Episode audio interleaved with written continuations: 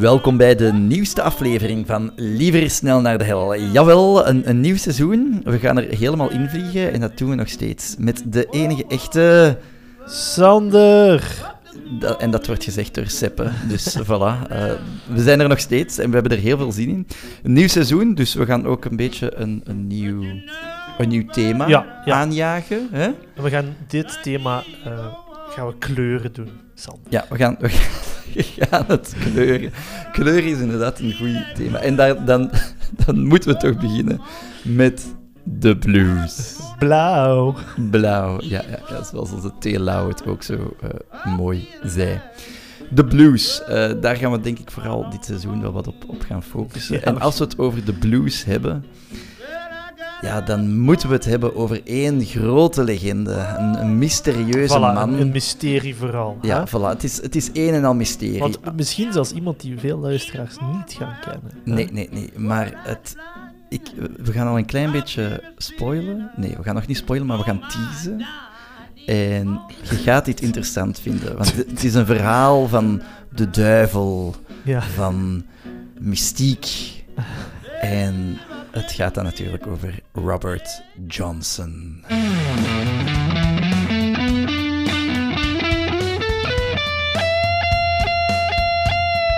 Liever snel naar de hel met Seppe en Sander. ja, voilà. Robert, Robert Johnson. We weten niet veel van hem, maar we beginnen bij het begin natuurlijk. Voilà, we gaan toch proberen weer een uur vol te praten. Hè? Dus als je zoiets hebt van, oei, hè, het is eh, veel informatie, ik bedoel, weinig informatie, veel gepraat, dan weet je hoe dat, dat komt.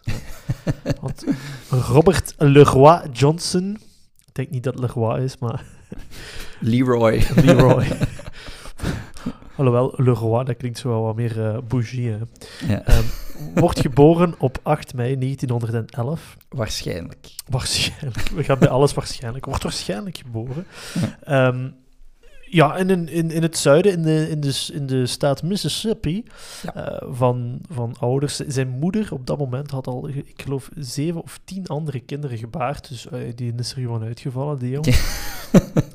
Robert Johnson zelf is waarschijnlijk een buitenechtelijk kind van Ja. mama die ergens een slippertje heeft begaan. Ja, met maar- Johnson. Noah Johnson. Met, allee, Julia Johnson. Julia, dat is de mama, heeft waarschijnlijk een slippertje begaan met Noah Johnson. Ja, of Noah met Julia. Hè? We weten niet wie wie Ja. eerst heeft geslipt. Hè? Ja. Ehm, Waarschijnlijk was het met wederzijdse toestemming. sowieso, sowieso. Hè? Ehm, maar Robert Johnson wordt wel opgevoed door, door zijn, zijn stiefvader in het begin. En dat is eigenlijk een, een, een, een eigenaar van een, van een, een boerderij. Ehm, zo moet je, ah, je moet dat natuurlijk in de, in de begin jaren 20 of in de begin 20e eeuw niet zien als, oh ja, oh, dat is een zwarte man in het zuiden die een boerderij had. Nee, er was iemand die eh, mocht werken op een boerderij, maar die wel blijkbaar iets meer standing had onder de zwarte Ja, eh, gemeenschap. stond ook bekend als meubelmaker. Ja, voilà. Meubelmaker slash boer. Voilà. Voilà. Ja. Maar die man zelf, die gaat eigenlijk... Op een gegeven moment gaat hij iets met... ehm, gaat daar iets gebeuren? Waarschijnlijk eh, was een, was een eh, blanke man jaloers op eh, de successen die dat hij eigenlijk ook wel had Ja. met, zijn, met zijn boerderij, met zijn plantage eigenlijk ook. En daardoor werd er een beetje een klopjacht op hem uitgevaardigd. We kunnen er al iets, ons iets bij voorstellen. Het gaat over die mannen met hun witte mutsen Ja, op, die dat zich eigenlijk achter ehm, Charles Dodds, dus de stiefvader van eh, Robert Johnson, gaan, eh, eh, gaan gooien, of Mhm.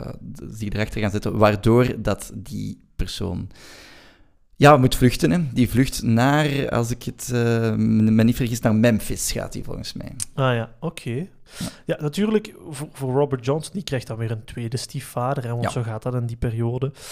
Ehm, maar Robert Johnson voelt al op een vrij jonge leeftijd van, oh, muziek, dat interesseert me wel. Ja. En ja, tuurlijk, als je tegen je pa zegt, die hard op de plantage aan het werken is om, om, om inkomen te voorzien voor zijn gezin, en die zegt, en je hoort je zoon dan zeggen van, ja, ik wil muziek spelen, Mm. dan is de band niet al te best. Dus Robert Johnson heeft op vroege leeftijd wel al zoiets van: kijk, ik wil eigenlijk heel graag muziek maken en onafhankelijk leven. Ehm, en wat voor muziek wilt hij eigenlijk maken, Sander? Dat is natuurlijk de muziek die dat je het meest zult horen op van die plantages. Voilà. dat is de blues. Ja, ja. Maar waar komt de blues eigenlijk vandaan, Seppa? Wel, Sander, de blues. Dat is helemaal niet ingestudeerd hoor. er zijn drie elementen uit de blues. Hè? Nee, nee. dus de blues komt ook echt, dat is slavenmuziek, hè? Daar, daar moeten we eerlijk over zijn. Het, het, het stamt waarschijnlijk uit ehm, eind, midden 19e eeuw, waar dat de, de slavengroepen op de, in de Zuiderse plantages um, liederen zongen. Uh, het, het, wordt de echte essentie van de blues wordt eigenlijk gezien als een soort van vraag-en-antwoord muziek. Mm -hmm, dus mm -hmm. er wordt gezongen en dan wordt er eigenlijk op geantwoord in andere gezang. Mm -hmm. Het heeft ook een bepaald schema dat je moet volgen, uh, dat blues. Uh, maar de, de pure originele blues is ook echt puur gezang. Dat is niet echt met, met muziekinstrumenten nee. of zelfgemaakte instrumenten die wel ritme geven. En ik stel voor dat we misschien naar zo'n soort van voorbeeld tussen aanhalingstekens luisteren. Want ja, je hebt natuurlijk geen opnames van die tijd zelf. Uh, maar je hebt uh, een liedje dat heet Grinning in Your Face. Waar dat je echt gewoon iemand, Soundhouse, deze versie van Soundhouse, um, gewoon hoort zingen en klappen. En dat is een beetje de meest pure versie van, van de old school blues die je, die je gaat horen. Let's hear it. Ja. Don't you mind people grinning in your face?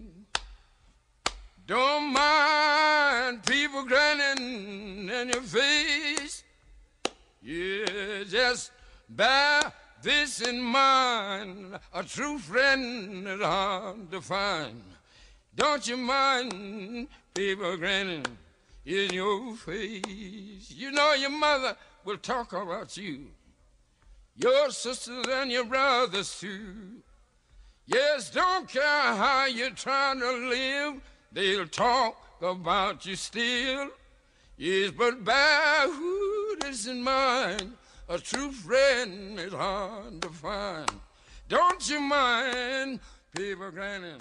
En de term blues, hè, want we hebben het hier over blues, blues, blues, komt dan ofwel van een scheepsvaartterm, die dan zou significeren ja, die zou dan betekenen eigenlijk van oké, als er een, schip met een blauwe vlag vaart, is de kapitein gestorven. En blues is ook meer grauwe muziek, dus uh, feeling blue, van dat allemaal.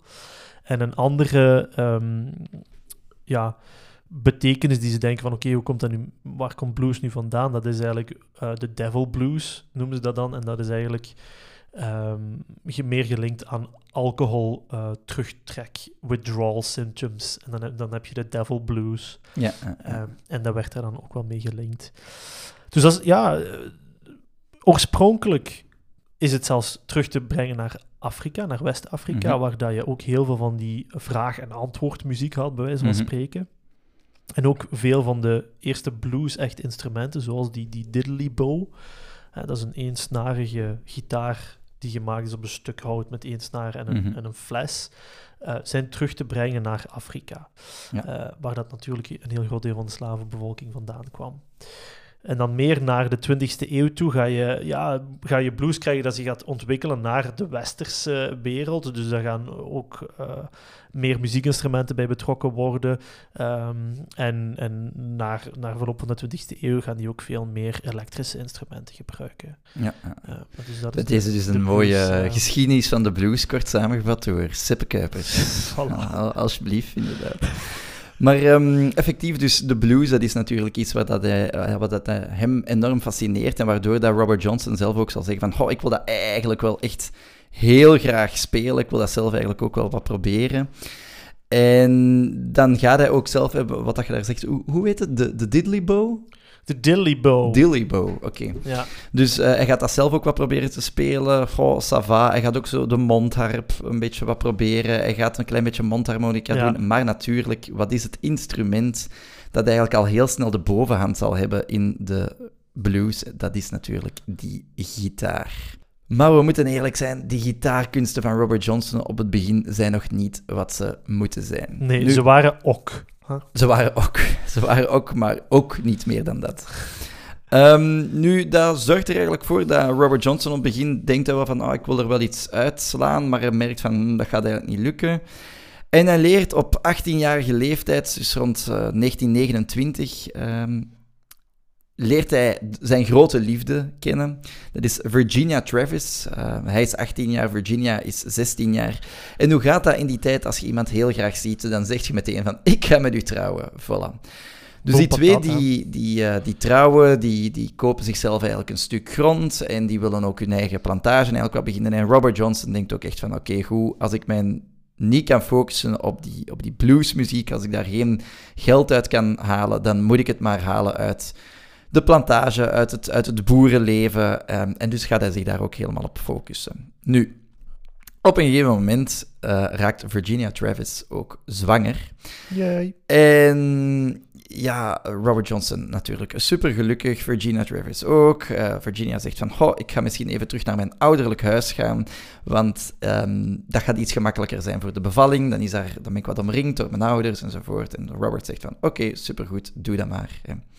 Virginia die gaat terug naar huis. Robert die blijft nog even op de plantage werken, maar die denkt ook van, hoe, Virginia is het huis uit. Dan heb ik een beetje meer tijd voor mezelf.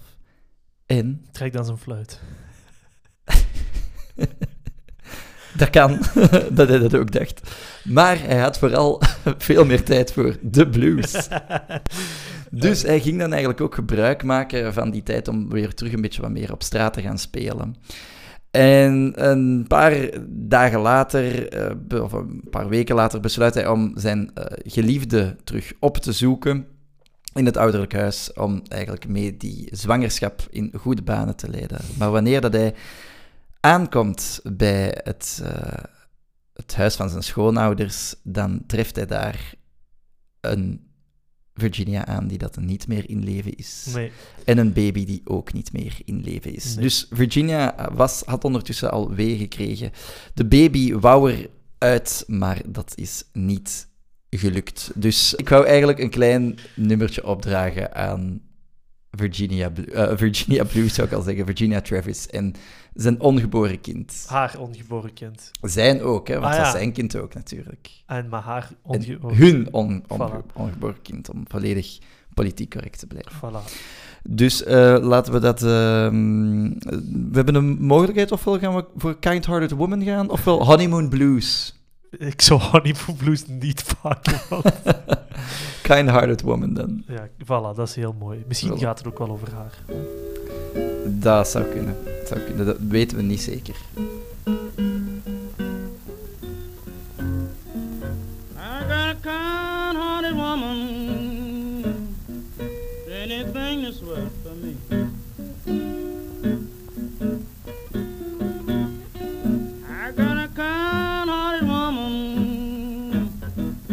anything that's worth for me.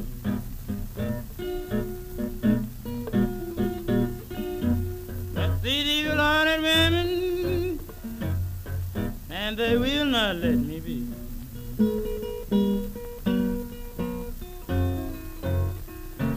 Oh, my baby. My baby don't love me. Maar dus, ja. maar wat daar wel belangrijk in is, Ja. is dat... Vertel maar. Ja, ehm, dat... Voor sommige mensen is dat al de straf van God, hè? Ja, ja, ik wou het, ja, ik wou het zeggen. ja, maar nu ga ik het zeggen. Nee, nee, zeg maar. Zeg Eh, maar. dat- op dat moment zeker ook. De, de blues, dat is geen onschuldige muziekstijl. nee, nee, nee, nee. nee. En ai, je, hebt, je hebt aan de ene kant het christelijke leven, hè, mooi naar de kerk gaan. Dan heb je de blues en muziek spelen. En ja, mensen...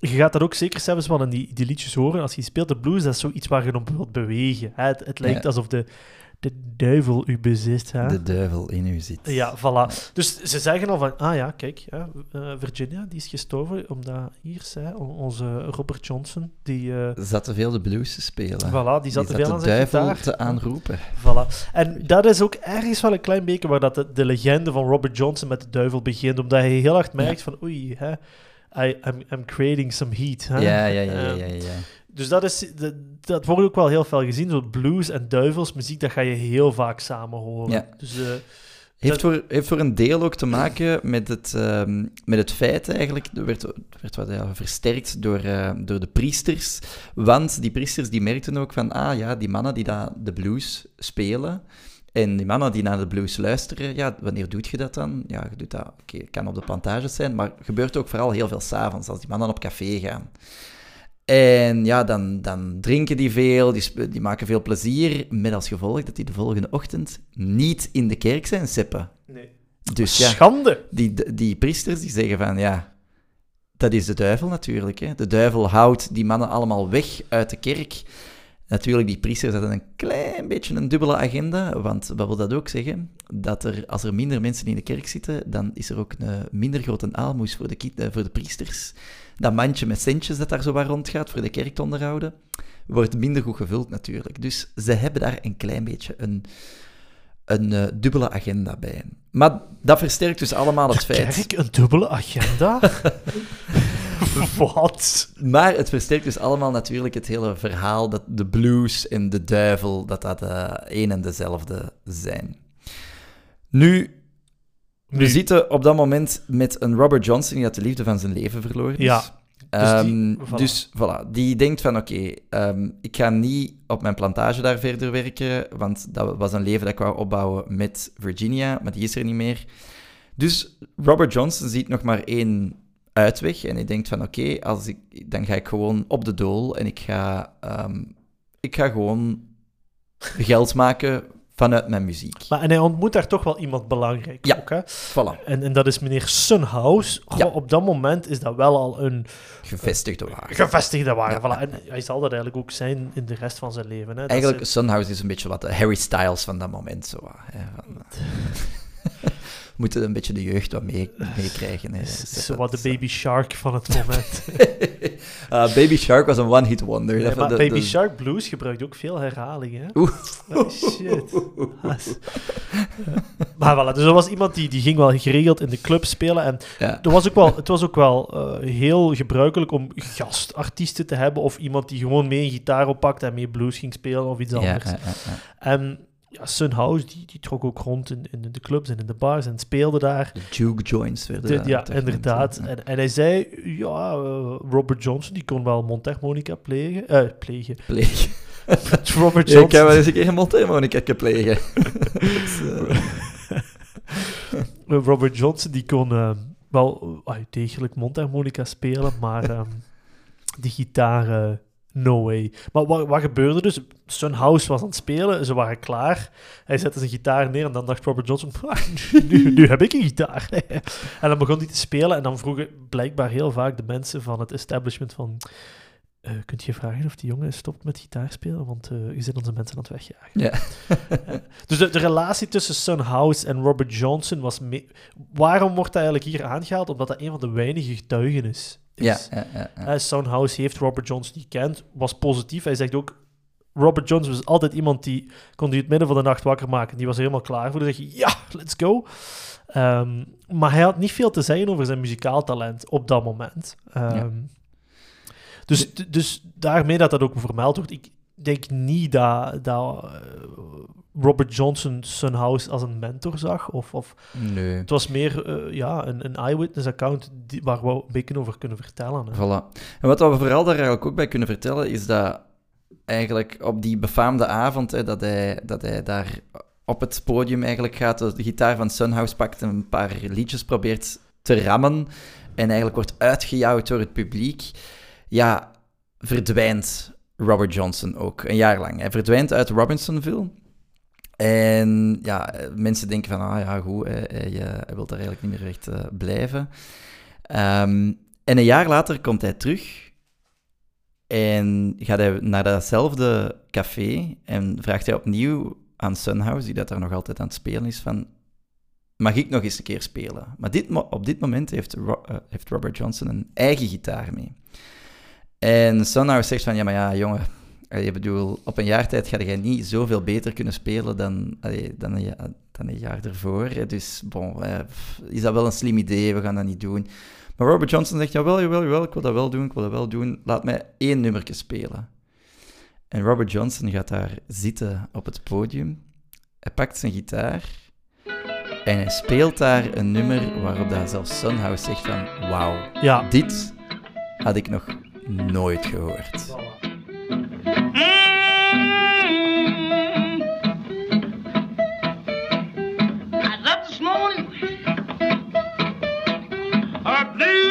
Like a man. Voilà. En wat denk je natuurlijk als iemand daar afkomt die je een jaar, het was iets meer dan een jaar, hè, daar, daarvoor hebt horen spelen en dat je denkt van, Jezus Christus, oh my God. Maar goed dat dat hier nog niet versterkt is, want eh, Belangrijk inderdaad ook, hè. Het is niks elektrisch op dat moment. Nee, nee, inderdaad. Eh, en die dan terugkomt en letterlijk de pannen van het dak afspeelt. Maar dat niet alleen. Het is ook... ehm, wat het zo indrukwekkend maakt, is dat Robert Johnson ook een hele nieuwe stijl gebruikte. Ja, ja, ja. Eh, een van de dingen die hem heel hard karakteriseerde, was dat hij de baslijnen en de melodielijnen tegelijk speelde. Ja, het leek eigenlijk alsof dat er twee gitaristen tegelijkertijd aan het spelen Voilà, waren, het is terwijl dat er maar één iemand was. Voilà, en wat denk je dan? Oh my god, de duivel. Mhm. Die heeft een pact met de duivel gemaakt. Ehm, eh, op de fameuze Crossroads, hè, Ja, hè, ja, bij, ja, de, bij, bij de Mississippi Delta.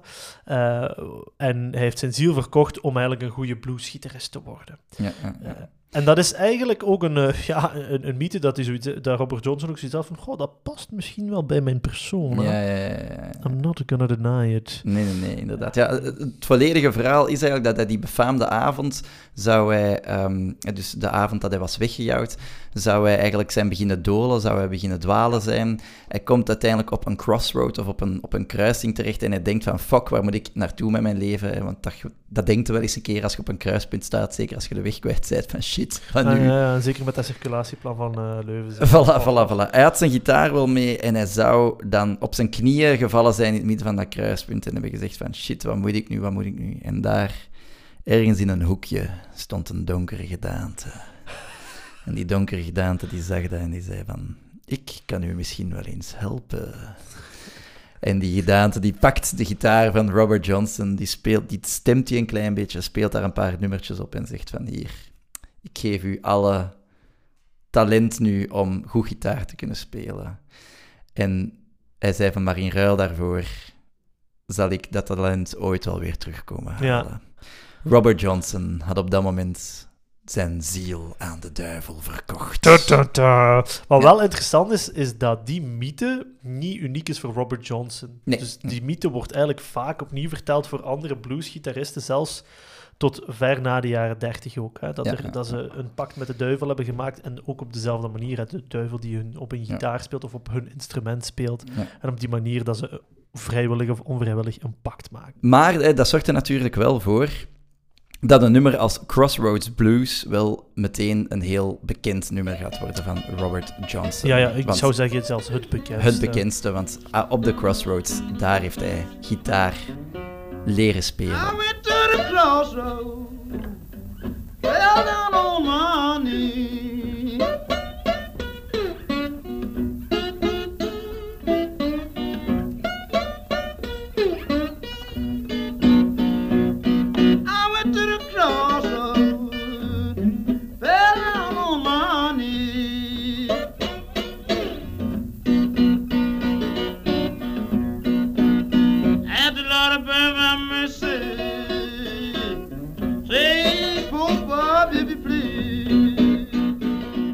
Voilà, de Crossroads Blues van Robert Johnson. Ja. Maar wat was daar nu eigenlijk echt Voilà. gebeurd? Allee, voor de mensen die geloven in, in, in de duivel en eh, die, die geloven in het supernatuurlijke, eh, je mocht zeker die versie ook geloven. Hè? Mhm. Eh, maar de echte versie van de feiten zal waarschijnlijk geweest zijn dat Robert Johnson heel saai op zijn kamer heeft gezeten, keihard heeft liggen studeren ehm, en een hele goede leerkracht heeft gehad voor zijn gitaarkunsten. Ja. En heel saai gewoon is blijven oefenen dag in dag uit. Ja. Ja, het is op zijn kamer, niet per se. Niet per Ja, se. dat mag toch wel. Want er zou blijkbaar ooit een mini-interview zijn geweest met hem. Ah, ja. En daarin zou hij gezegd hebben van, kijk, ehm, ik heb heel veel gestudeerd.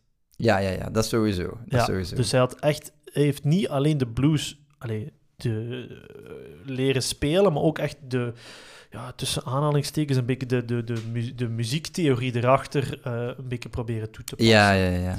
Nu, hij, ehm, hij zou eigenlijk, nadat hij daar zo wat was uitgejouwd in, in Robinsonville, zou hij eigenlijk terug naar Hazelhurst zijn gegaan, hè, om, zijn, om zijn vader wat te leren kennen. En het is daar in Hazelhurst, of allee, in de buurt van Hazelhurst, dat hij eigenlijk met, met de blueslegende Ike Zimmerman in, in contact was gekomen. En hij zou aan hem hebben gevraagd van, ja, wilde jij mij niet wat gitaarlessen geven? Want die stond er echt wel een bekend. En Ike Zimmerman zou wel echt een, een mentorfunctie hebben gehad. En zou hebben gezegd van, ja, goed, ik wil u inderdaad wel wat de, de gitaar, de bluesgitaar onder de knie, ehm, le- allee, onder de knie eh, geven. Hè. En ja, Ike Zimmerman had al op zich wel een, een, aparte stijl, en- maar had ook een aparte methode. Eh, Ja. Want hij ging eigenlijk, nam hij Robert Johnson naar het kerkhof, eh, om daar vooral heel veel te oefenen. Nu, natuurlijk krijgen we dan weer de hele mythe van de duivel er weer bij. hè, Want ja, oké, waar kun je beter dan de duivelse muziek spelen als op een kerkhof? En waar zijn de dichter verbonden met de duivel dan op een kerkhof? Ja. Maar ehm, de reden waarom dat Ike Zimmerman dat waarschijnlijk deed, was een kerkhof is ver afgelegen van alle andere huizen, waardoor dat je niemand ten laste zijt. Ja. En waardoor dat je wel uren en uren en uren kunt blijven spelen. Dus Robert Johnson en Ike Zimmerman, die zouden eigenlijk ja, altijd op een, op een grafsteen, op een mooie zerk eigenlijk zitten tegen, allee, of twee zerken eigenlijk, die daar wat tegenover elkaar stonden. En daar zouden die uren tot, tot een gat in de nacht ehm, de blues hebben, hebben zitten spelen. Ja. Nu, Robert die overtreft op een gegeven moment ook wel echt wel zijn, zijn, leermeester. Want ja, Ike die gaat die heel veel technieken en zo leren. Robert gaat dat doorhebben. Maar Ro- Robert heeft eigenlijk één groot voordeel dat andere bluesgitaristen niet hebben. En dat is dat Robert eigenlijk hele grote handen heeft. En vooral hele grote vingers heeft. Waardoor dat hij zijn gitaar eigenlijk in bepaalde houdingen kan nemen. Of bepaalde ja, houding op, zijn, op, zijn, eh, op de nek van zijn gitaar kan nemen. Die dat je als normale mens, zal ik zeggen, niet zo gemakkelijk kunt doen. En dat kan natuurlijk ook verklaren waardoor dat hij gemakkelijker een baslijntje kon spelen, terwijl dat hij ook in de hoogte wat ja, meer die, die, die solootjes een beetje, of, of die kleine riffjes eigenlijk ook nog wat aan het, eh, aan het spelen was. En waardoor dat je het gevoel dus krijgt dat hij twee gitaren in één is. Ja. En op dat moment, ja, mensen zijn echt iets van, oh my god. Hè? De, de mensen stonden letterlijk na het spelen van Robert Johnson zijn muziek met hun mond open. Hè? Het was Ja, van, ja, "Oh, wat is dit? Dus wat gaat je dan natuurlijk doen als muzikant? Je gaat tussen aanhalingstekens in die periode toeren. Hè? Ja, ja, Ehm. Dat is natuurlijk niet met een tourmanager, dat is gewoon, je stapt de bus op, of is er al een bus? Nee, De er waren trein? treinen, op de trein. er zullen Eh, paard en kar geweest zijn. En er was waarschijnlijk ook wel de vinger om te liften. Ja, voilà. Dus eh, eerst natuurlijk in de buurt, dus rond de Mississippi Delta, niet te ver. Maar hij zal ook wel naar plaatsen gaan, zoals New York. Ehm, ik kan me voorstellen dat dat voor Robert Johnson echt wel een eye-opener geweest Ja, moet zijn. Hè? sowieso. Zo, en je komt van het diepe zuiden en je komt dan ineens in New York, waar dat het misschien toch al iets moderner is. Ja. Ehm, hij deed dat niet alleen. Eh, hij nam eh, ook een andere ja, blueslegende. Ja, als je dan goed blues kunt spelen, dan word je eigenlijk Dat zijn al een legende. ja, het is eigenlijk dat. Eh, dat is de heer Johnny Shines. Ehm, dus dat is eigenlijk ook ja, een persoon met wie hij echt mee heeft getoerd. En Johnny Shines zegt ook dat Robert Johnson een heel goede, grote invloed op hem is Ja, geweest. ja, Ehm, en, en hij zal ook wel een klein beetje bijdragen aan de hele mysterie ook van Robert Johnson, omdat hij ook natuurlijk een eyewitness is. Die vertelt dan over Robert Johnson, die ook dan zo wat mysterieus was en, en, en weet ik veel wat allemaal. Vriendelijke gast, zegt hij vaak, Ja. maar dat kon zijn op de ene op de andere dag dat hij weg was en dat je die dan drie weken niet hoorde. En dan opeens dan was hij weer terug, alsof er niks was gebeurd. Ja, voilà. Dus, dus dank, dankzij hem weten we dan nog wel een klein beetje over Robert Johnson. Maar inderdaad, hè, dat jaar dat hij verdwenen was, kan hij ook niks van zeggen. Hè. Nee, Het nee, zijn, nee, zijn, zijn duivelsjaren. Nu, hij is dan eigenlijk aan het, eh, aan het toeren. Natuurlijk, als je aan het toeren bent en je hebt nog niet eigenlijk het comfort van daar in een luxe kamer elke avond te kunnen slapen of een, of een luxueuze tourbus te hebben, waar dat je altijd heel netjes kunt slapen. Nee, dan moet je eigenlijk altijd zien dat je zelf je slaapplaatsjes wat zoekt. En Robert Johnson die heeft daar ook zijn eigen technieken voor. Ehm, Robert die, eh, is een, een, echte womanizer, een echte rokkenjager. En eh, ja, de, de, vrouwen zien hem ook wel heel graag. Er wordt ook wel vaak gezegd: de bluesman is a ladies man. Oh. Uh, uh, en dat speelt ook weer helemaal in het kader van de duivel. Want natuurlijk, die versiert vrouwen die dat eigenlijk getrouwd zijn, die dat eigenlijk trouw hebben beloofd aan een bepaalde man. Maar de bluesman kan die verleiden en voor zich uh, winnen. Robert Johnson was daar zeker geen uitzondering op.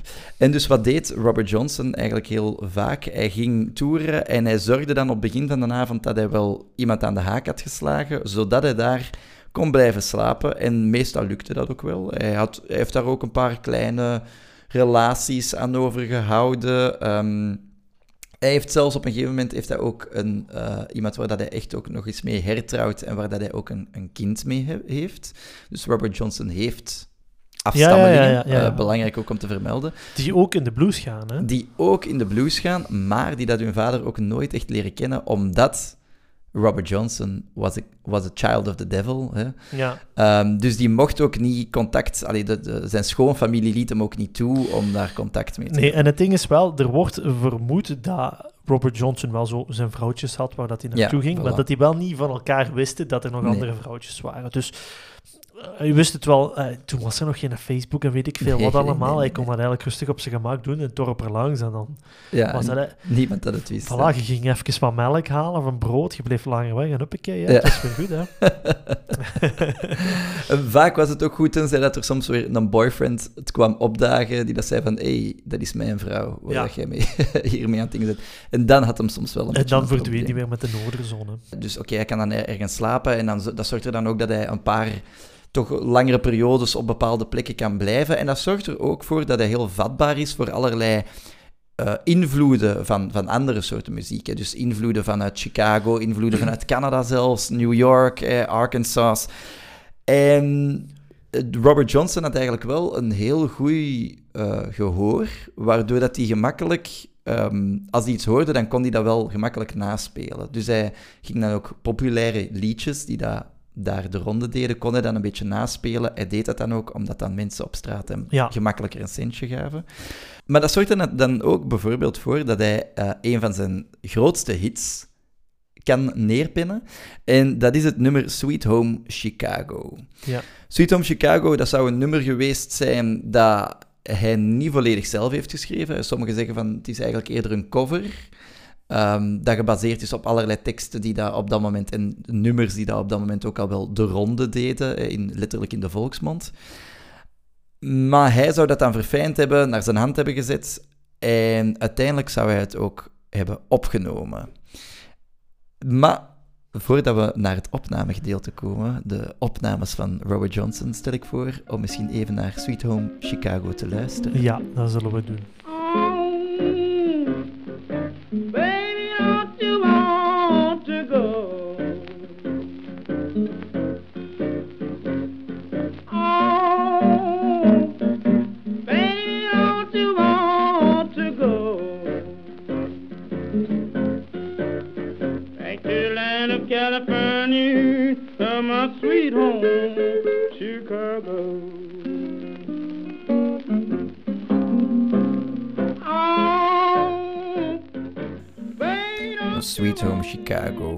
Dat is een nummer dat, denk ik, toch ook wel meerdere mensen ook wel zullen kennen.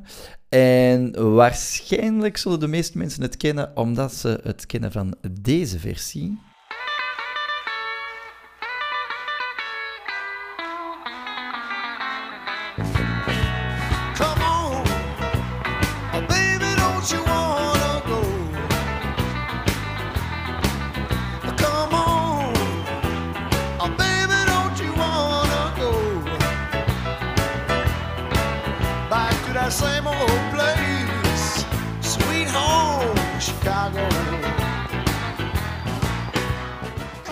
Dat is natuurlijk de versie van The Blues Brothers. Ja, Die dat Dus- het lied eh, super populair heeft gemaakt, denk Ja. ik.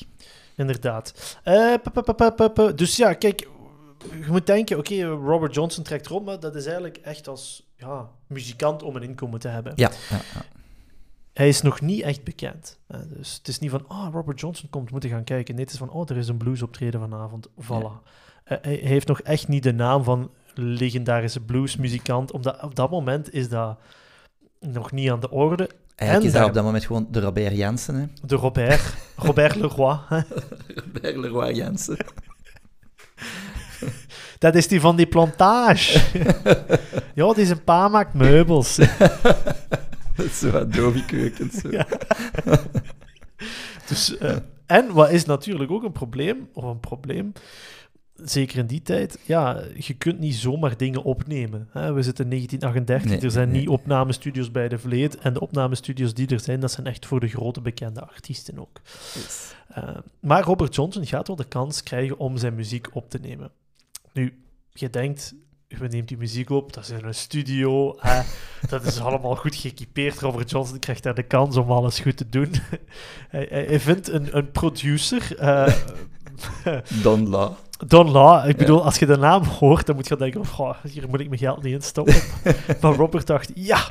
Eh, en ze gaan op, in een, op een periode van twee dagen, eigenlijk. Ja, Of twee, nee, het is niet twee dagen, twee Nee, sessies. twee hè? sessies. Ja. Op Eh, twee verschillende dagen. Ja, op twee verschillende dagen eh, muziek opnemen in hun hotelkamer. Hè.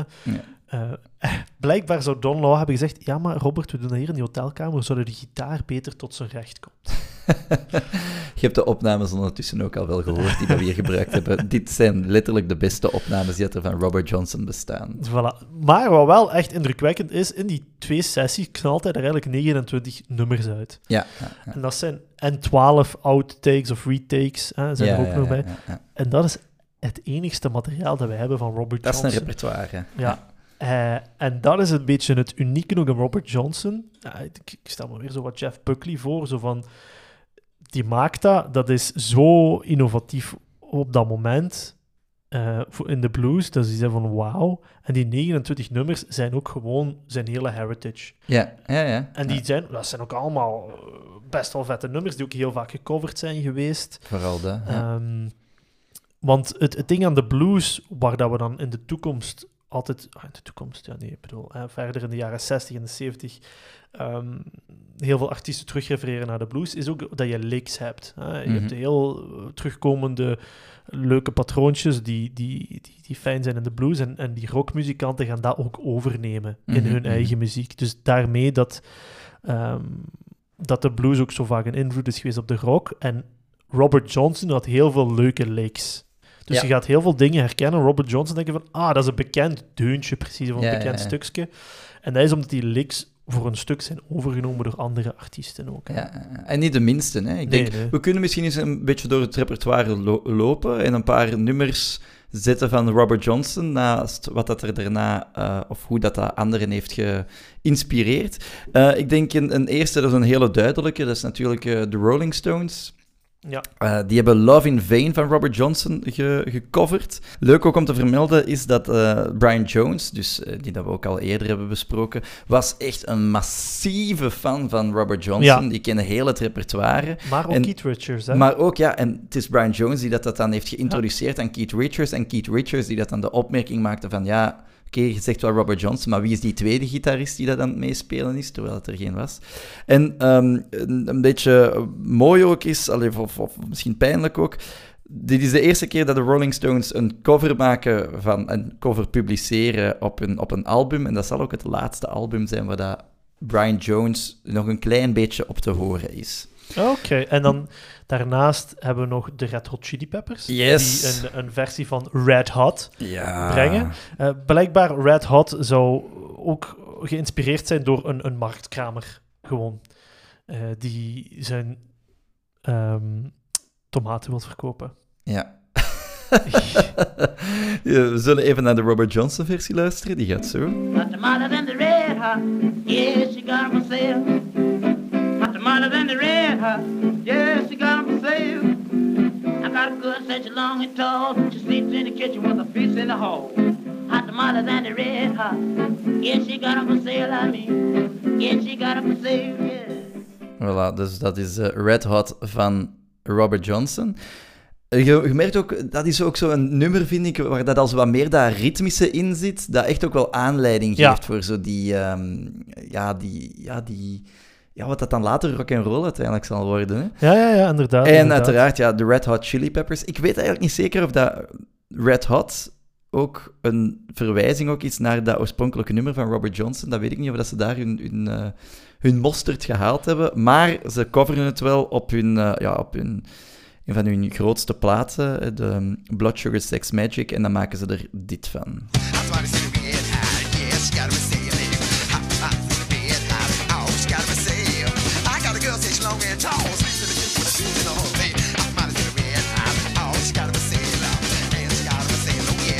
Voilà. Eh, en nog een hele interessante ook is Bobby Dylan. Ah, de Bobby Dylan. Bobby ja, ja. Dylan. Nu, Bob Dylan gaat in zijn, in zijn memoires ook heel hard eh, Robert Johnson aanhalen. Bob Dylan is ook een van de mensen die Robert Johnson naar, naar de fame heeft gehaald, terug. In, Ja. na wel post, posthumus, hè, ik ga het nog eens zeggen. Ehm, om, om, omdat, ja, na Ro- Robert zijn dood, hij, ja, een beetje in de vergetelheid is geraakt. En Bob Dylan is een van de artiesten die ja, de, de, de revival van de blues ook, ook mee helpt, helpt ehm, eh, ontwikkelen in de Verenigde Staten. En hij zal in, in zijn albumhoes ehm, van het album Bringing It All Back Home, zal hij... ehm, dat is eigenlijk een foto waar Bob Dylan op staat in, in, in een setting. En in die setting is de albumhoes van de Delta Blues van Robert Johnson te Ah. zien. Mooi, mooi. Yes, en dan toch ook nog wel een, eh, een mooie die ik ook nog even kort wil laten horen. Dat is Traveling Riverside Blues. Eh, is een nummer dat door heel veel eh, is ge- gecoverd, waaronder Eric Clapton. Maar, en dat vind ik misschien nog wel de belangrijkste, want het, het was weer even weg. Hij komt hier weer terug, want wie was er ook heel hard geïnspireerd door Robert Johnson? Robert, Robert Plant van Led Zeppelin. ja, ja, ja, ja. Ja, ja. ja, ja, ja, ja, ja, ja, Ah, wij, zijn er, zijn dit We eh, zijn er weer, we doen, zijn er weer, we zijn er weer. Ja, er zijn, het, gaat zelfs wel verder dan eh, Traveling Riverside Blues. Want ook in de Lemon Song wordt... Lemon Song is een origineel nummer van Led Zeppelin. Maar daar worden bepaalde lyrics in gebruikt die dat ook verwijzen naar... eh, Robert. naar de Robert, naar Robert Jansen van meubelmaker Jansen. Eh, nee, van meubelmaker Jansen eigenlijk niet, want dat was zijn vader de meubelmaker. Maar wat, ehm, Traveling Riverside Blues, dus dit is die van Robert Your Johnson. man get now. Want you have your fun?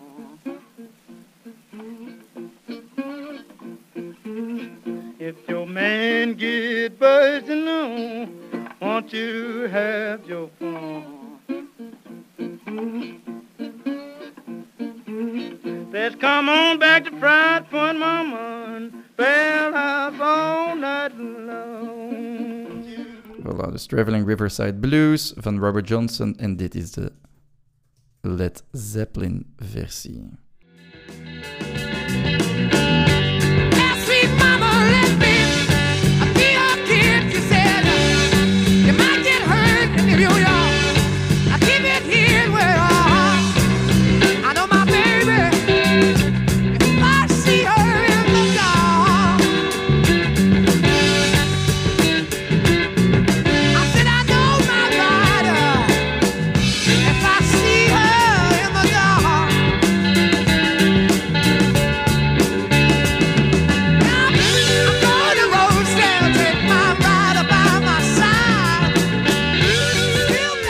Maar te zeggen wat voor een, een invloed Robert Johnson eigenlijk wel, wel had op latere muzikanten. Maar eigenlijk op dat moment heeft hij wel een bepaalde faam in de regio, zeker zo aan Mississippi en zo. Maar eigenlijk een echte grote doorbraak heeft hij niet meteen. Hij, hij is zo wat meer... Zijn nummers zijn wel bekend, maar bijvoorbeeld zijn opnames worden op het begin ook nog helemaal niet op de radio gespeeld. Nee, en, en daarbij moet natuurlijk ook worden gezegd dat zeven maanden na de opnames hij al het loodje zal leggen. hè. Dus, ja, eh, ja. Zijn opnames hebben ook niet echt de kans om bij zijn optredens meegeleverd te worden, bij wijze van spreken. Nee, nee, nee, nee. Dus ja, we komen dan eigenlijk al een klein beetje aan het, aan het einde van zijn, van zijn leven, van het leven van Robert. Johnson. Want wat gebeurt er eigenlijk? We, we schrijven zo rond 16 augustus ne- eh, 1938. We zitten in Greenwood, Mississippi, waar dat hij eh, is uitgenodigd om op een countrybal te spelen. En een countrybal kun je een beetje vergelijken met de, de festivals van vandaag, dus waar daar heel veel mensen wel van naartoe komen. Ja. En waar dat eigenlijk echt de plek is om u als muzikant wat te manifesteren, u wat te profileren. Een beetje wat dat we vandaag als een rockwerchter hebben, dat was toen het countrybal in Greenwood, Mississippi. Voilà, je Allee, kon daar bon. combi naartoe gaan. Voilà. Dat was ook al met van die opgooitenten. voilà. Kon daar carapils mee naartoe nemen, iedereen gelukkig. Nu, hij speelt daar en twee dagen later, na zijn laatste optreden, wordt hij dood teruggevonden. Ja. In, Wat... in de put, of ja, nee, niet in de put, in de gracht langs een veld. Ja, ja, ja, voilà. Dus, eh, Wat is er, wat, is er gebeurd? Wat, wat gaat Dus, jij zeggen? ehm, ah, wel, er zijn drie theorieën. Ja. La- laat ik het even... Ik zal beginnen bij de duiveltheorie. ja, dat De- is... de, eh, duiveltheorie. ja, en dat, is natuurlijk, eh, als we kijken naar de hele levensloop van, van Robert Johnson, de duivel heeft er altijd al wel bij gezeten. En dit is gewoon het einde. Hè? Waar dat de duivel op een, daar ergens begin jaren 30 hem het talent had gegeven om gitaar te spelen, zou er gezegd zijn dat de duivel altijd al in zijn gedachten had om te zeggen van oké, het moment dat je op het punt staat om door te breken, dan kom ik uw ziel halen. En dat was ongeveer zowel wat dat punt waar dat hij op stond. Dus de duivel die zou hem zijn gaan halen. En er wordt ook gezegd hè, van Robert Johnson, die zou twee dagen lang echt ziek geweest zijn. Zou een gevecht hebben geleverd met de duivel, waarbij dat hij, waar dat hij dat, ja, bloed aan het kotsen was, waar dat hij op een gegeven moment stond te blaffen zoals een hond. Zo ja, hard zou zijn strijd geleverd zijn, maar zou die dan verloren hebben. De duivel zou zijn ziel hebben meegenomen. Nu natuurlijk, die Of- symptomen doen ook aan wat andere dingen Ja. denken. Of, wat ook kan, is dat hij... Ja, we weten ondertussen al dat Robert Leroy Jansen nogal een keer graag aan de tetjes zit. Hè. De, En, de meubeltjes is oppoetst. voilà. laat ik En die, die avond zou hij tijdens het optreden van een dame een drankje ontvangen hebben. Ja. Ja. En zijn compaan heeft toen gezegd: Nee, pak dat niet aan. Hè. Je, mocht nooit van, van, van vrouwen dat, dat, dat accepteren. Hè. Dan gaan die mannen jaloers worden en wie weet wat daarin zit. Mm, Dus die slaat dat uit zijn handen. Robert zegt: Och, zwaanst niet. Hè. mm. En die pakt het drankje aan van de echtgenoot Ja. van de vrouw. En die drinkt dat helemaal op. En er zou gif in het drankje gezeten hebben, Ja. waardoor dat Robert op de weg naar huis gestorven had zijn en in de groot gevallen zou zijn. Ja. En eigenlijk zijn er dan, er zijn eigenlijk vier theorieën. De, de theorie daarlangs, en dan ga ik u, u Ja, ja, zeg doen, maar, zeg maar. De theorie daarlangs is eigenlijk, ze hebben zijn, ehm, enkele jaren na zijn dood, hebben ze eigenlijk zijn death certificate gevonden. Mhm, En daarop stond op de achterkant syfilis. mhm. Nu, eh, er wordt gedacht dat dat wel een zeer plausibele doodsoorzaak kan zijn. Waarom? Omdat zwarte bevolking in die periode van die afkomst, als een zeer lage arbeidsklasse, ehm, heel vaak stierven aan syfilis. En syfilis was ook een erfelijke ziekte. Of ja, erfelijk, je kon dat doorgekregen hebben van, via je ouders. Ehm, eh, waardoor de kans zeker bestaat dat hij het zou hebben gehad en, en gestorven zou zijn aan de gevolgen van syfilis.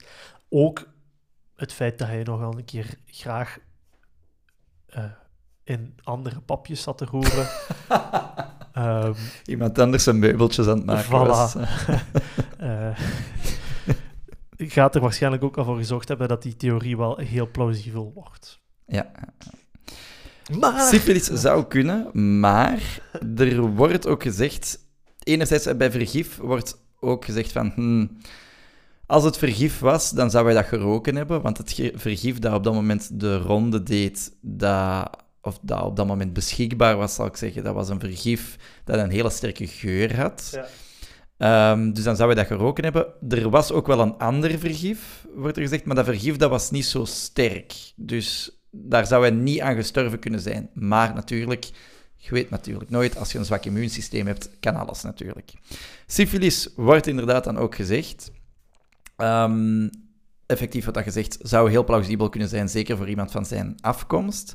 Maar ook daar wordt gezegd van ja, goh, hij werd gevonden. Niemand wou ook gewoon een dokter gaan betalen. Dus ja, hij moest gewoon doodverklaard worden. Dus een dokter moest dat hoe dan ook doen. En er wordt ook gewoon gezegd dat die dokter zelf daar ook geen, geen tijd aan kwijt wou zijn. Dus dat hij dan gewoon uit gewoonte heeft gezegd, ja, het zal wel syfilis geweest zijn. Zonder dat hij dat echt heeft onderzocht. Wat nu een aantal jaar geleden, dat is een theorie die daar rond, ja, dan is al 2006, is, die dat is eh, opgedoken. Dat is dat Robert Johnson eigenlijk het, het Marfan, of het Marfan-syndroom had. Het Marfan-syndroom dat is een multisystemische genetische aandoening die het bindweefsel aantast. Ik eh, lees dat hier heel mooi af van eh, Wikipedia. Ehm, maar dat kan zich eigenlijk uiten op bepaalde, op bepaalde vlakken. En dat uit zich vooral in het feit dat jij als persoon ofwel grote voeten kunt hebben, lange benen kunt hebben, maar ook lange vingers. En dat was natuurlijk iets dat Robert Johnson had. En een lui oog, ook, dat was ook een, een teken van, of een mogelijk symptoom van dat Marfan-syndroom. Nu, zo dat Marfan-syndroom, oké, je kunt dan van die uitwendige eh, ja, fysieke eh, verschijningen daar wel zo wat bij hebben, maar dat, heeft ook, dat kan ook bepaalde complicaties veroorzaken aan de aorta, dus wat dat ook wel eh, zeer belangrijk is. Dus aan het hart. Schijnt. Ehm, en dat kan er eigenlijk voor zorgen, onder andere, dat, dat, dat uw hartkleppen niet meer zo goed gaan werken, waardoor dat er bloed eigenlijk komt op plekken waar dat niet zou mogen komen. Eh kan er ook voor zorgen dat, u, eh, ja, dat, u, dat uw aderen of dat uw aorta eigenlijk te hard gaat eh, verbreden, waardoor dat die scheurt, dat er bloed in uw lichaam komt. Wat natuurlijk kan verklaren waardoor, waarom dat hij ook wat bloed aan het eh, kotsen zou geweest zijn.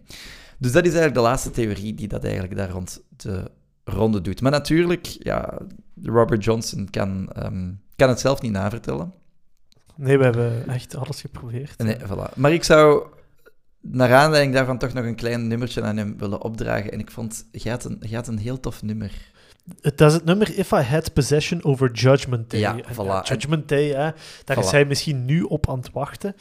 Ehm, wat ook wel daar nog bij gezegd kan worden, is dat de titels van zijn liedjes ook wel bijdragen tot zijn mythische status. duivelse status. Hè? Want de, de, de thema's van de liedjes gaan ook wel heel vaak over de duivel, over, over vrouwen ook wel, meer innuendo.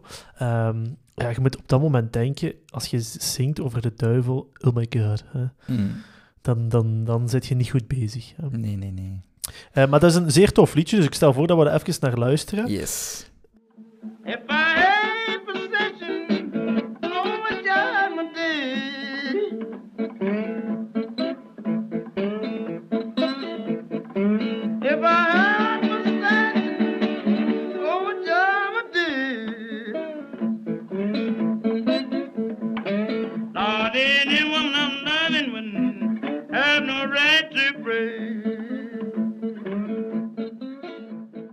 Voilà, if I had possession over Judgment Day. Voilà. Ehm, nu ja, om een beetje in de duivelsmythe dan natuurlijk ook wel te blijven. Hè. Er wordt gezegd van, oké, ja, goed, de duivel is hem komen halen vlak voordat hij succesvol kon worden. En dat wordt versterkt dan ook nog eens een keer door het verhaal van John Hammond, die dat eigenlijk een, een heel groot optreden wou organiseren over de invloeden van jazz. En hij heeft daar eigenlijk zo ja, heel de muzikale wereld heeft hij daarvoor uitgenodigd. En hij zei van, ja, goh, ik wil eigenlijk ook een deel van dat concert. Ehm, daar moet eigenlijk ook wat de blues in besproken worden. En hoe dat de blues gelinkt is met de jazz. En allee, hoe dat die elkaar ook wat beïnvloeden enzovoort. Dus hij zei van, oh, de blues, ik wil Robert Johnson eigenlijk heel graag in de show hebben. Dus hij had er iemand erop uitgestuurd om Robert Johnson te zoeken eh, voor dat optreden. En die zou hem letterlijk te laat gevonden hebben. Eh, het terug moeten keren en gezegd hebben van, ja, kijk, hij is echt net gestorven. Maar hij kan nog spelen, maar het gaat niet veel. Voilà. Ehm, waarop dat John Hammond zei van oké, een, een paar maanden later, als dan het optreden effectief of het concert effectief wordt georganiseerd, zegt hij van oké, goed, ik kan Robert misschien niet tot hier brengen, maar ik heb gelukkig zijn opnames. Maar wij kunnen naar Robert gaan en ze plegen allemaal zelfmoord. Einde. Ehm, Maar, ehm, dus hij, hij had eigenlijk dan een platenspeler. Hij zou die dan op het podium hebben gezet in een volle zaal, waar dat heel de, ja, de muziekwereld op dat moment, of een belangrijke figuur uit de muziekwereld, aan het, aan het luisteren zijn. Hij zet die plaat op en ja, de mensen zouden gek zijn geworden van het geluid dat daaruit kwam. En op een positieve manier wil ik ook wel zeggen. Ze zouden echt ook wel zeggen van, wauw, amai, wat een muziek. Dat hebben we nog nooit gehoord.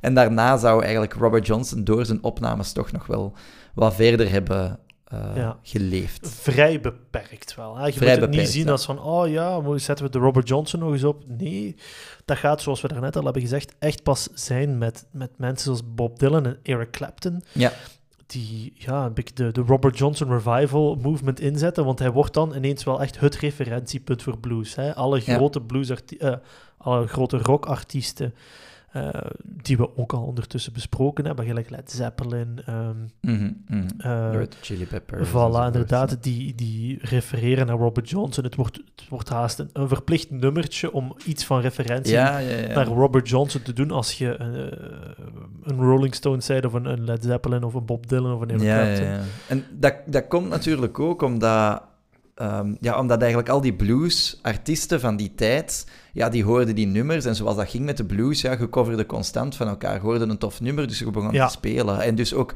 blues-muzikanten die dan na Robert Johnson zijn gekomen, die zijn zijn nummers gewoon blijven spelen en hebben daar hun eigen versie van gemaakt. Waardoor dat er heel veel nummers gewoon zijn blijven doorleven. En ja, waar dat pas achteraf van dat mensen erbij stilstonden van, amai, dat is eigenlijk Robert Johnson. Ja, en, en dat is ook wel iets wat met, het luisteren naar Robert Johnson zelf, dat is eh, soms misschien, gelijk je daarnet zei, van inderdaad wel zo wat minder toegankelijk in het begin. Dat je zegt van, oude opname en Ja, dat kraakt. En krakerig, dat is ja. zo'n eh, een rare die gewoon met zijn gitaar was zitten jengelen. Maar als je daar naar luistert, dan voelt je dat dat direct binnenkomt. Je moet daar zo niet te veel bij nadenken. puur. Ja, Voilà. En, en dat maakt die muziek van Robert Johnson, vind ik, zo goed dat je, ja, je zit meteen zo in dat gevoel van de blues.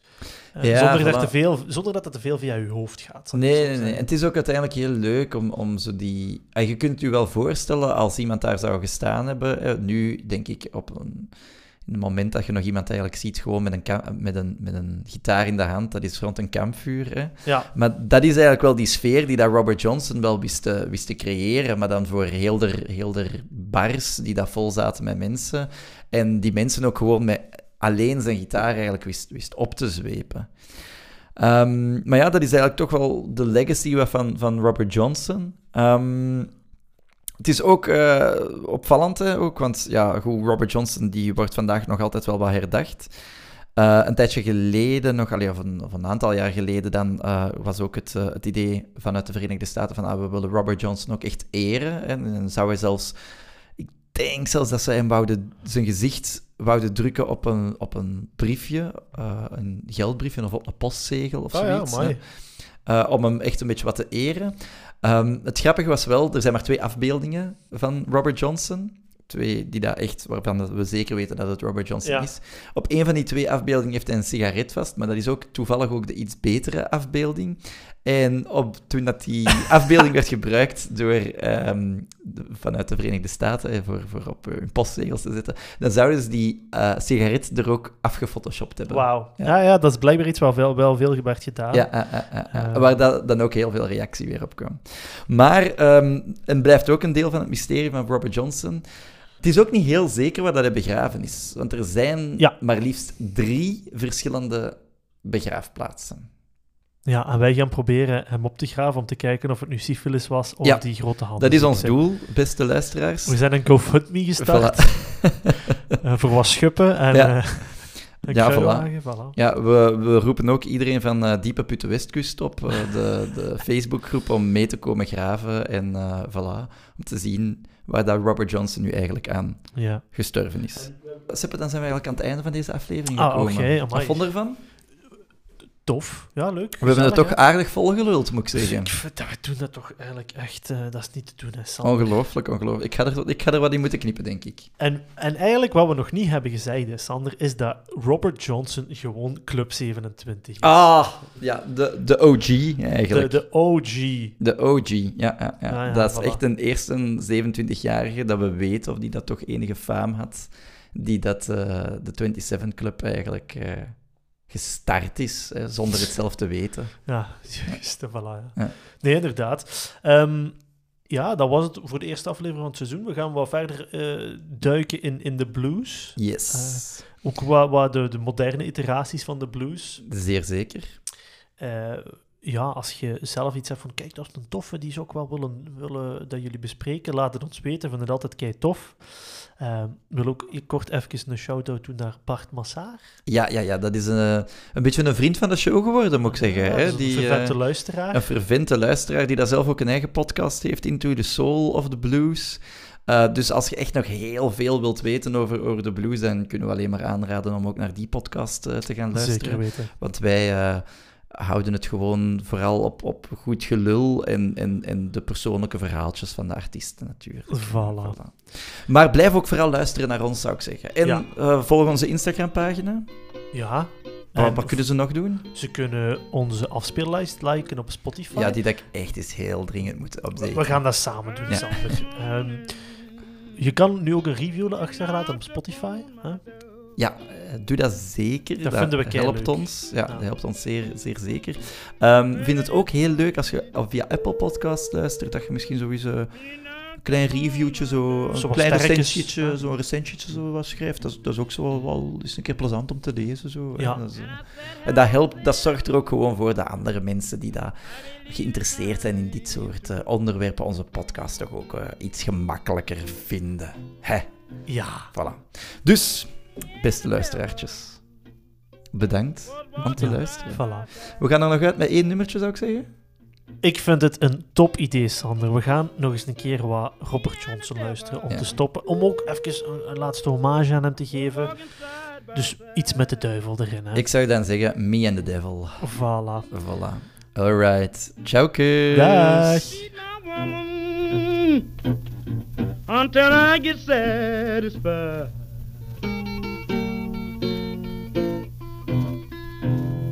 She said you don't see why that I will dog around. Now, baby, you know you ain't doing me right now. She said you don't see why ooh, that I will dog around. It must be that old evil spirit so deep down in the ground.